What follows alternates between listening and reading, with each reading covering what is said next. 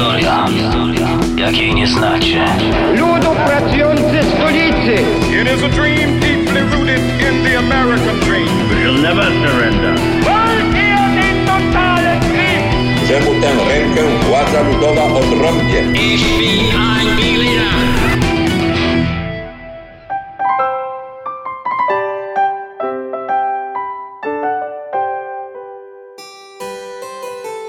Most Poniatowskiego to jeden z symboli Warszawy, ważne miejsce także dla polskiej historii.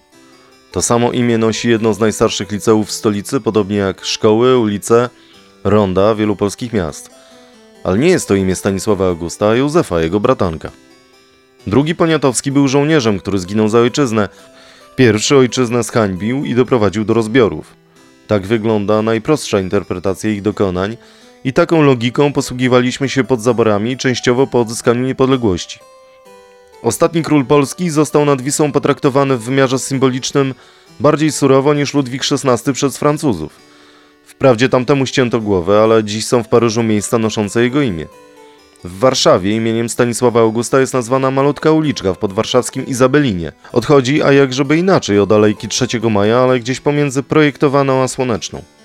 Nawet świątynia Opatrzności Bożej, której inicjatorem powstania był Stanisław August, jakoś specjalnie nie chwali się tym, kto wmurował kamień węgielny rok po uchwaleniu Konstytucji 3 maja. Nie wiemy nawet, gdzie są szczątki króla, a o ich złożeniu na Wawelu nigdy nawet nie było mowy. W kolejnym odcinku specjalnego cyklu Historii, jakiej nie znacie, opowiemy o czarnej legendzie ostatniego króla Polski. Dlaczego był nam potrzebny w terapii po upadku, do którego jako naród sami doprowadziliśmy w XVIII wieku?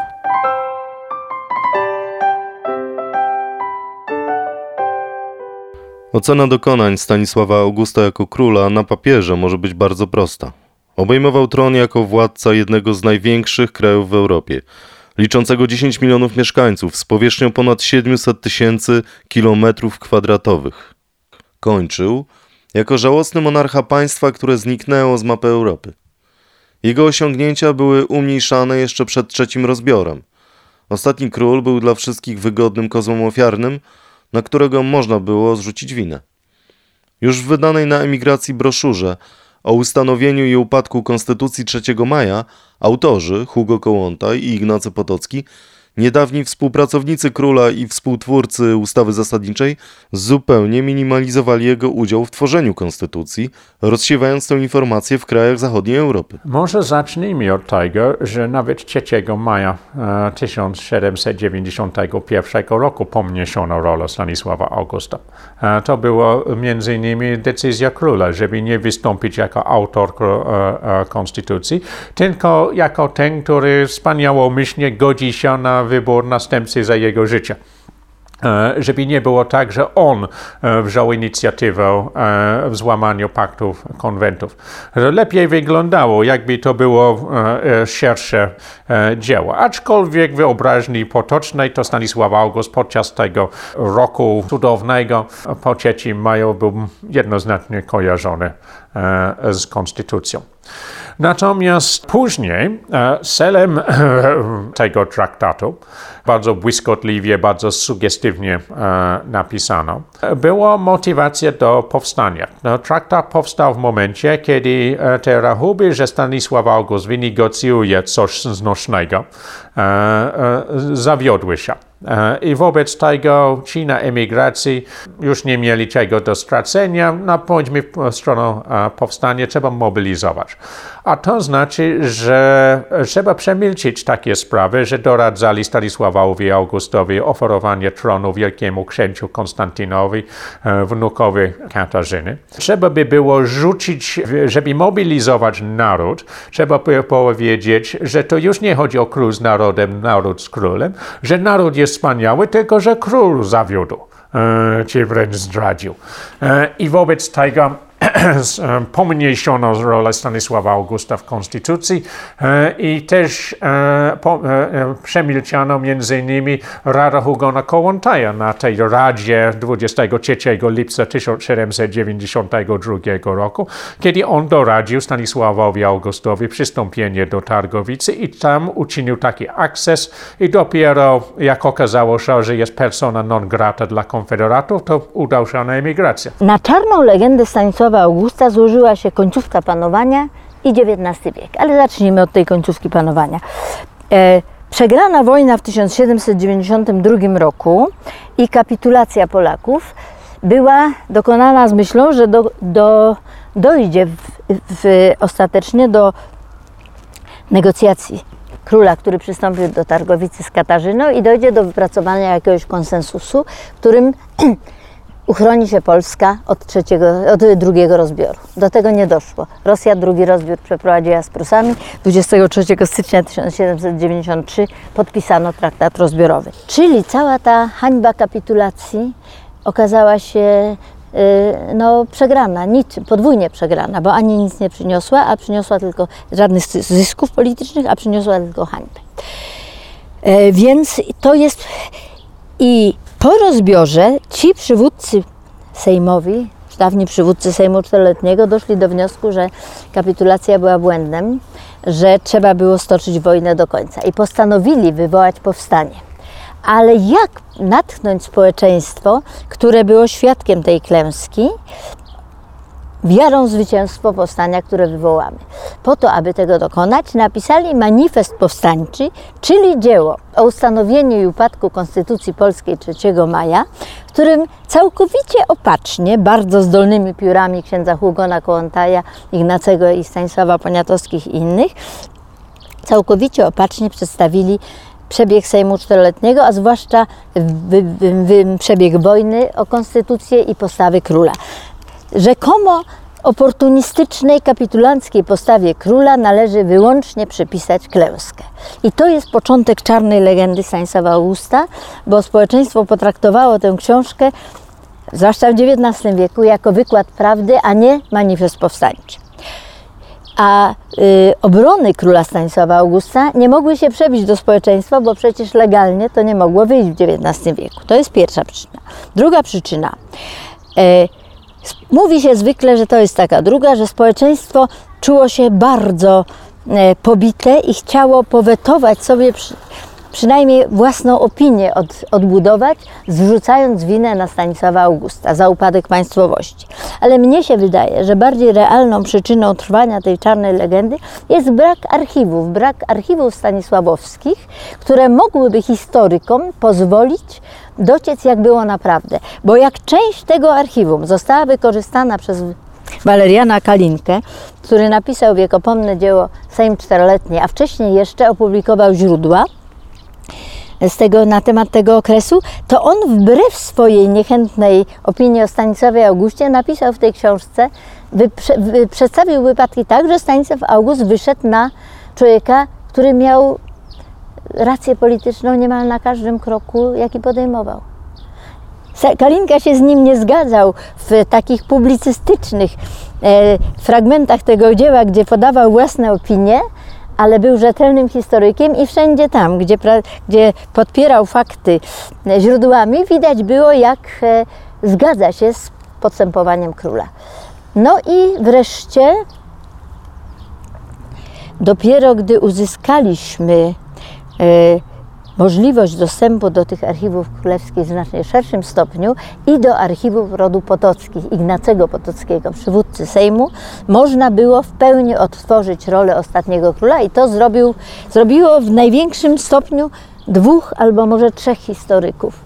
Emanuel Rostworowski, który ustalił autorstwo Konstytucji 3 maja, Jerzy Michalski, który pokazywał, jak Stanisław August z, tym z jakim społeczeństwem miał do czynienia, jak trudno mu było rządzić, i może Jerzy Kowecki, który w szeregu artykułów, no i książce o powstaniu, książka o pracach o powstaniu kościuszkowskim pokazał rzetelny wysiłek króla. Niestety.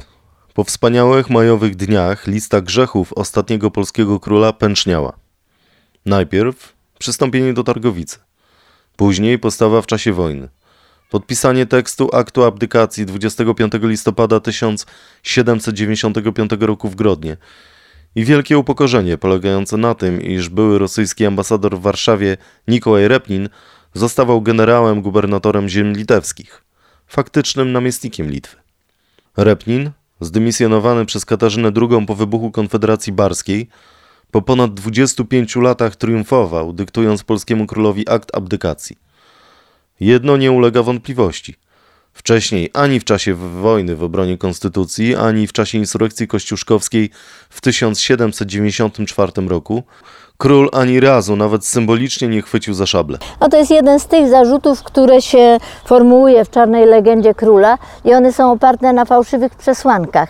Cóż by z tego było, gdyby król pojechał do obozu, e, wcześniej nie bardzo mógł, nie kwapił się specjalnie też, nie kwapił się, bo e, to nie był król wojenny, ale miał dobrych generałów i Kościuszko i książę Józef to byli wybitni generałowie.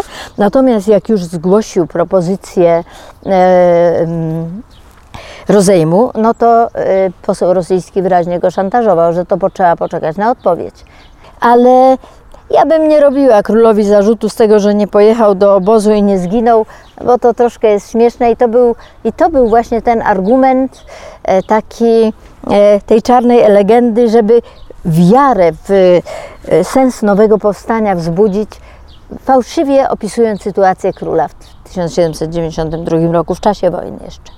Jest bardzo przykrą rzeczą czytanie e, korespondencji króla z tych ostatnich lat, kiedy był już załamany. I ma, możemy słuszne mieć pretensje do niego za, za to, że podpisał tę abdykację, że dał się zaszantażować tymi długami e, i poczuciem, że Katarzyna no, może wszystko z nim zrobić, z nim i z jego rodziną. Ale jednak winniśmy pamiętać, że to są ostatnie lata, to jest 90 trzeci, czwarty, powiedzmy, że jeszcze drugi, trzeci, czwarty, piąty, szósty, siódmy, ósmy, ale przecież król po powstaniu był więźniem, prawda? Od, od mm, upadku powstania e, kościuszkowskiego e, w styczniu musiał opuścić Europę, jest więźniem Repnina, a potem władców rosyjskich. Dlatego dziś mamy dwóch poniatowskich, z których jeden, Józef, jest wielkim patronem walki o niepodległość, a drugi, jego strój Stanisław August, symbolem uległości wobec najeźdźcy. Zapominamy księciu Józefowi e, Poniatowskiemu lata jego życia jako złotego młodzieńca. Nie, nie, być może bardziej cenimy e, wojskowych, ale jeszcze na opinii Stanisława Augusta, i to trzeba powiedzieć, zaważyła zaważył fakt jego abdykacji, bo to był jedyny krok króla, który stanowił moim przekonaniu kapitalny błąd polityczny. Mianowicie Stanisław August pod presją Rosji i szantażem długów zrezygnował, nie tylko zrezygnował z korony, to już było wszystko po trzecim rozbiorze, już państwo nie istniało, ale jednak zrezygnował z korony, pisząc, że robi to dobrowolnie i w tym akcie abdykacyjnym uznał powstanie kościuszkowskie za przyczynę rozbioru, a rozbiór za jedyny możliwy krok przywracający sposób, spokój w Europie. No, w sposób e, zrezygnował z atrybutu państwowości, jakim była korona, przyjął narzuconą mu przez Rosję, napisaną przez Rosjanina wersję abdykacji, Pierwotnie pisał do Katarzyny, że gdyby to napisał, to byłby, uważałby się za potępionego we własnych oczach. No ale jednak to zrobił, szantażowany długami. I nic za to nie uzyskał. To był niestety człowiek, który umierał całkowicie załamany. Po przystąpieniu do Targowicy król się załamał. Przed rozbiorem jeszcze drugim. On się załamał, bo no to nieprzewidziane zupełnie. Jak on nie przewidział, że ten kontrast między tym, na co liczył, a tym, co ma, jest tak wielki, że to właściwie zdawał sobie sprawę, no po rozbiorze już sobie zupełnie zdał, że to do niczego nie doprowadziło. Zdawał sobie sprawę, że zaciąży to na jego ocenie, a miał poczucie odpowiedzialności wobec narodu i historii, po to pisał usprawiedliwienia. I próbował się jeszcze zerwać do walki na Sejmie Grodzieńskim, ale w sposób żałosny się też tam zachowywał bo już tylko chciał, żeby została resztka państwa, żeby za jego panowania nie rozebrano Polski do końca. No, od 92 roku to jest człowiek całkowicie załamany. e, gotów do kapitulacji przed Katarzyną, między innymi dlatego, żeby te długi zostały pokryte, ale także dlatego, bo to wynika z korespondencji prywatnej króla, żeby miał z czego żyć on i jego rodzina. To są strasznie smutne i takie lata, w których król nie zachowuje się godnie. Tylko pomyślmy sobie, ile przetrwał i ile walczył, a jaki, jaki jest krótki okres tego, tej końcówki, taki no niechlubny. Ale pomyślmy w taki prosty sposób. Taki... Że człowieka ocenia się za całokształt tego, co zrobił. Tak jest w chrześcijańskiej kulturze zachodniej. Nie za to, co na końcu życia zrobił, bo nikt Petenowi nie będzie wymawiał Vichy, nie przypominając jego wielkiej roli, prawda, roz- francuskiego generała. I Stanisławowi Augustowi powinniśmy pamiętać lata 1764-1792, kiedy walczył o Polskę, tak jak mógł i nieustannie i nigdy nie skapitulował z myśli o odrodzeniu Polski. Pamiętać też, że umarł całkowicie załamany i wtedy zachowywał się źle. W przypadku Stanisława Augusta Poniatowskiego był reformatorem, ale ostatecznie był reformatorem przegranym, e, który na końcu abdykował. E, I trudno patrzeć na kogoś takiego jak na bohatera. Można przy wyważonej ocenie e, powiedzieć, że zrobił ogromnie dużo dobrego dla kraju, ale ostatecznie jest skojarzona z utratą e, państwowości. I dlatego trudno oczekiwać, że, że będzie tyle mostów e, e, i tyle ulic, i tyle pomników, i tyle obrazów e, wystawionych e, właśnie jemu. Natomiast w sytuacji, kiedy bardzo duża część sensu polskości w XIX wieku i przez pierwszą połowę XX wieku wykształciła się e, w romantycznych zrywach, e, w zbrojnym oporze przeciwko zaborcom. E, To nic dziwnego, że, że Józef Poniatowski, który e, e, nie poszedł e, na służbę e, e, cara, lecz walczył do końca i zmarł e, śmiercią wojownika, e, e, jest o wiele e, wygodniejszym e, e, patronem e, niż trudną e, do oceny e, ambiwalentne e, skutka poczynania jego, e, jego stryja. Więc e, Józef Poniatowski, owszem, e, miał swoje słabsze chwile. Biesiadował w pałacu pod Blachą podczas rządów pruskich przez ponad dziesięciolecie. Między upadkiem Rzeczypospolitej a tym, kiedy stał się ministrem wojny Księstwa Warszawskiego, początkowo niepopularnym ministrem wojny, ale ostatnie cztery lata jego życia nadrabiał wszystkie zaległości. A poza tym, mimo że był młody i na tym stopniu niedoświadczony, e, sprawił się wcale nie najgorszy podczas kampanii e, w obronie konstytucji w 1792 roku. Wyprowadził wojska korony z grożącego im em, okrążenia. Wyszedł zwycięsko, choćby moralnie, e, spod żeleniec i absolutnie nie chciał się poddać. I można rzeczywiście argumentować, że politycznie to też miało sens. Należało bić się dalej, choćby po to, żeby zmusić Rosjan do bezpośrednich negocjacji. E, więc e, jeśli chodzi o, o bohaterskim obrazie księcia Józefa, to jestem za. Natomiast Stanisław August Poniatowski, który umierać nie chciał, wyrasta na jedną z najbardziej tragicznych postaci naszej historii. Na jego biografii już zawsze ciąży będzie upadek Rzeczypospolitej. Z tej perspektywy oceniane będą jego działania, dyskredytowane nawet najszlachetniejsze projekty i plany. Na szczęście współczesna historiografia jest dla króla nieco łaskawsza. Dostrzegając skomplikowaną sytuację, w jakiej się znalazł i doceniając straceńczą misję, jakiej się podjął. Jak wyglądał koniec życia króla?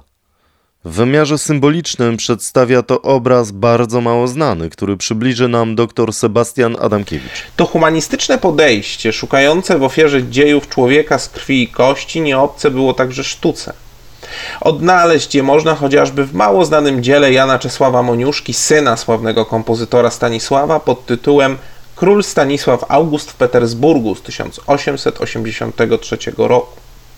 Centralnym punkcie obrazu widzimy zdetronizowanego władcę w czarnym stroju żałobnym. W lewej, opadającej z lekka ręce, próbuje trzymać zdjętą szarfę z medalem Orła Białego. Prawą ręką przy ustach trzyma chusteczkę, jakby powstrzymywał nią łkanie. Z lewej strony obrazu kominek, a tuż przed nim zdjęty obraz z pejzażem Pałacu na Wodzie w warszawskich Łazienkach. Za królem stoi sędziwy dworzanin w tradycyjnym polskim stroju, z żalem obserwujący tę ponurą scenę. Nad wszystkim góruje zaś obraz carycy Katarzyny II bezwzględnej, triumfalnej pozie. Na obrazie Moniuszki zapisana jest rozpacz człowieka skazanego na wygnanie, zamkniętego w złotej klatce z wyrytym w duszy poczuciem odrzucenia. Ostatnie lata życia Stanisława Augusta mogły w istocie tak wyglądać. Jego postać nieistotna była już dla sprawy polskiej. Pozbawiony autorytetu, nie liczył się w rozgrywce o wskrzeszenie ojczyzny. Z jednej strony przyjmowany na rozlicznych rautach i balach z przynależną jego dawniej pozycji czcią, z drugiej głęboko sfrustrowany i wegetujący. Dzieło Moniuszki jest tragicznym studium wegetacji. Stojący przy kominku obraz, jakby przygotowany do wrzucenia w ogień, kumuluje w sobie wszystkie wspomnienia wielkości dawnej Rzeczpospolitej. Jest sączącą się raną, która nie potrafi się zagoić. Podobnym artefaktem przeszłości jest dworzanin, który swoim strojem i wyglądem próbuje towarzyszyć władcy w ostatnich dniach. Współuczestniczy w jego manifestowanej żałobie, w męczącym rachunku sumienia, w rozprawie z samym sobą. W ostatnich dniach przed śmiercią ten mało optymistyczny nastrój poprawić miała rozmowa króla Stanisława z carem Pawłem I, który rzekomo obiecać miał mu wsparcie w działaniach dyplomatycznych na rzecz wskrzeszenia Rzeczpospolitej. Szczegółowej treści obietnicy nie znamy. Wkrótce po wizycie Stanisław August spożył, jak miał to w zwyczaju, poranny bulion. Kilka godzin później stracił przytomność i dzień później zmarł. Okoliczności śmierci były źródłem plotek wskazujących, że zgon nastąpił w wyniku otrucia. Czy tak życie mógł zakończyć ostatni władca projektu Rzeczpospolita? Po abdykacji no właściwie to, że e, korzystał z niektórych wygód, e, że udzielił się e, towarzysko, że przyjaźnił się z najlepszą portrecistką e, epoki Elizabeth Vigée Lebrun, e, to nie ma, e, to właściwie nie ma znaczenia w stosunku do, do abdykacji.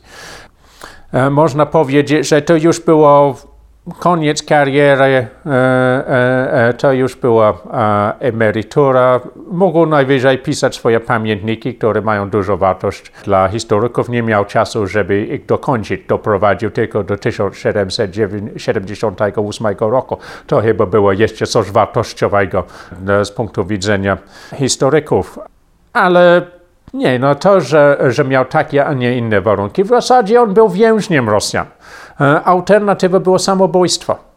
Bardzo wskazane z punktu widzenia tradycji antycznej, ale nie z punktu widzenia nauki chrześcijańskiej.